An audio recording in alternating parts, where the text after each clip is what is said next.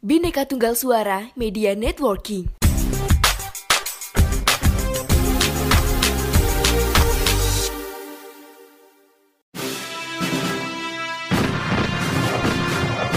Saya berbicara di sini sebagai penyambung lidah rakyat Indonesia.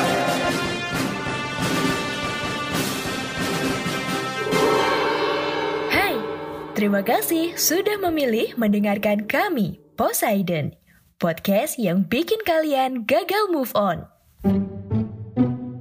Halo teman-teman, pada kesempatan kali ini saya akan mengulas perkembangan Jawa Barat setelah kerajaan Tarumanegara. Kalau teman-teman kemudian menafsirkan atau mencoba untuk merunut beberapa materi mengenai Jawa Barat, kita akan merujuk pada kerajaan Sunda. Tetapi sebelumnya kita membahas masuk secara detail dan komprehensif tentang eh, apa, bagaimana, dan siapa yang mendirikan kerajaan Sunda di wilayah Jawa Barat, mari kita simak beberapa penjelasan pengantar untuk kemudian kita bisa memahami materi ini. Teman-teman semuanya, perkembangan Jawa Barat setelah Taruman Negara yang mengalami keruntuhan tidak dapat diketahui dengan jelas. Meskipun di Cangkuang, wilayah Leles, daerah Garut, Jawa Barat, ditemukan sebuah bangunan candi. Namun, penemuan ini tidak memperjelas perkembangan keadaan yang diharapkan. Ya, tidak bisa dijadikan patokan. Dan sampai saat ini para sejarawan itu belum bisa menentukan secara tepat ya hanya perkiraan mengenai usia candi di daerah Cangkuang ini atau kita kenal dengan nama Candi Cangkuang.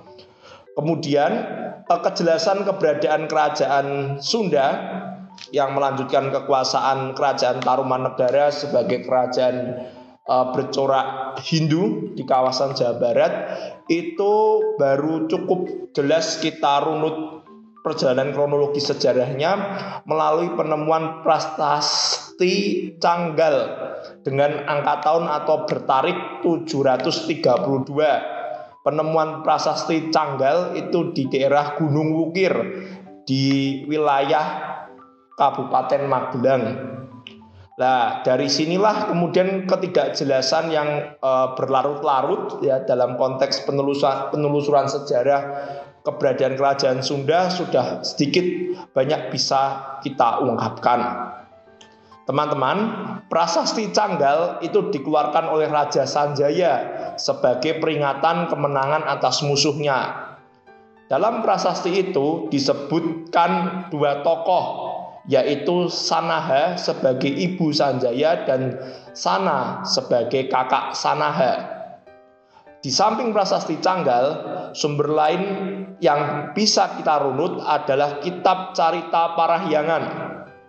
Bentuknya adalah karya sastra berbahasa Sunda yang dirunut masa kronologisnya yaitu muncul pada akhir abad ke-16 dan juga tentunya sumber-sumber lain. Mari kita simak sumber-sumber lain yang menjadi penguat dari keberadaan kerajaan Sunda. Berdasarkan sumber-sumber dua di awal, Canggal dan Carita Parayangan, eh, wilayah Jawa Barat setelah Taruman Negara itu memang merujuk kepada keberadaan kerajaan Sunda. Misalnya, Carita Parayangan menyebutkan dalam eh, babakan di kitab itu tohaan di Sunda atau bisa diartikan ini dalam bahasa Latinnya yang yang dipertuan di Sunda. Kemudian dari kitab Pararaton juga menuliskan peristiwa Pasunda Bubat atau kita kenal juga dengan peristiwa Bubat yang nanti akan kita bahas di uh, bagian khusus nanti ya. Prasasti juga ada lagi namanya Prasasti Sang Yang Tapak menuliskan adanya kegiatan atau semacam istilah Prahayan Sunda dan Ajiri Sunda. Kemudian juga ada catatan dari Laksamana Chengho dalam pelayarannya ke Laut Selatan dalam misi muhibahnya itu mengunjungi Sunla Ya, yang kemudian kita bisa artikan adalah wilayah Sunda. Kemudian masih ada lagi berita Portugis yaitu uh, tentang kerajaan Cumda dan Kumda. Kemudian dilengkapi lagi oleh uh, seorang tokoh penjelajah yaitu Tome Pires. Ini menerangkan bahwa ibu kota kerajaan Sunda itu bernama Dayo yang jauhnya tidak terlalu jauh ya letaknya menunjukkan bahwa wilayah ini tidak jauh dari daerah Kalapa atau yang kita kenal dengan Sunda Kelapa. Jauhnya kira-kira dua hari dari antara Dayo dan Sunda Kelapa. Kemudian kita bisa kemudian menarik kesimpulan dari secuil fakta-fakta sejarah baik dari prasasti, kitab-kitab uh, kuno Hindu Buddha warisan kejayaan kerajaan Hindu Buddha serta sumber-sumber asing dari uh, para penjelajah atau uh, para musafir gitu ya yang melintasi wilayah-wilayah uh, sepanjang uh, perdagangan dan pelayaran internasional, kita bisa tarik sebuah kesimpulan bahwa Jawa Barat setelah Tarumanegara itu ada kerajaan Sunda sebagai pelanjut kekuasaan kerajaan Tarumanegara. Tetapi teman-teman di sini juga bisa memahami bahwa kerajaan Sunda itu pusatnya berpindah-pindah dan perpindahan uh, pusat pemerintahan ini adalah sesuatu yang lazim dalam sejarah Indonesia. Ya Indonesia kuno tentunya ya.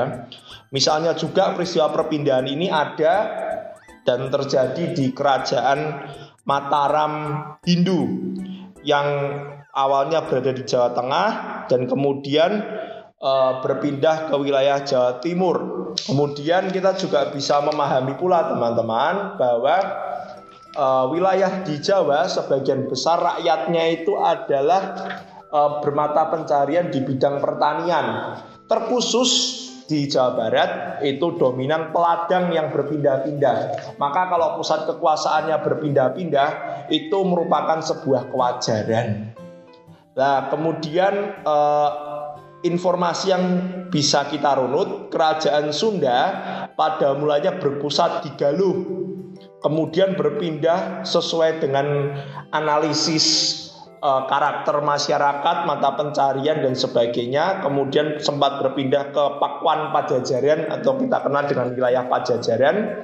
Kemudian uh, dari pusat-pusat kekuasaan itu kemudian menyebar istilah wilayah Parahyangan ya yang kemudian nanti akan kita bicarakan secara lengkap bagaimana kemudian kerajaan Sunda ini uh, mengikuti ya perkembangan kerajaan-kerajaan penyertanya begitu. Nyebutnya kerajaan Sunda tetapi kemudian yang mengisi perkembangan kekuasaan kerajaan Sunda itu ada semacam dinasti-dinasti yang uh, punya tradisi, punya perkembangan historis, punya identitas yang memperkuat secara garis besar itu kerangka mengenai siapa yang berkuasa di tanah Pasundan atau Jawa Barat atau yang kita kenal dengan Kerajaan Sunda sebagai uh, pelanjut kekuasaan Kerajaan Tarumanegara.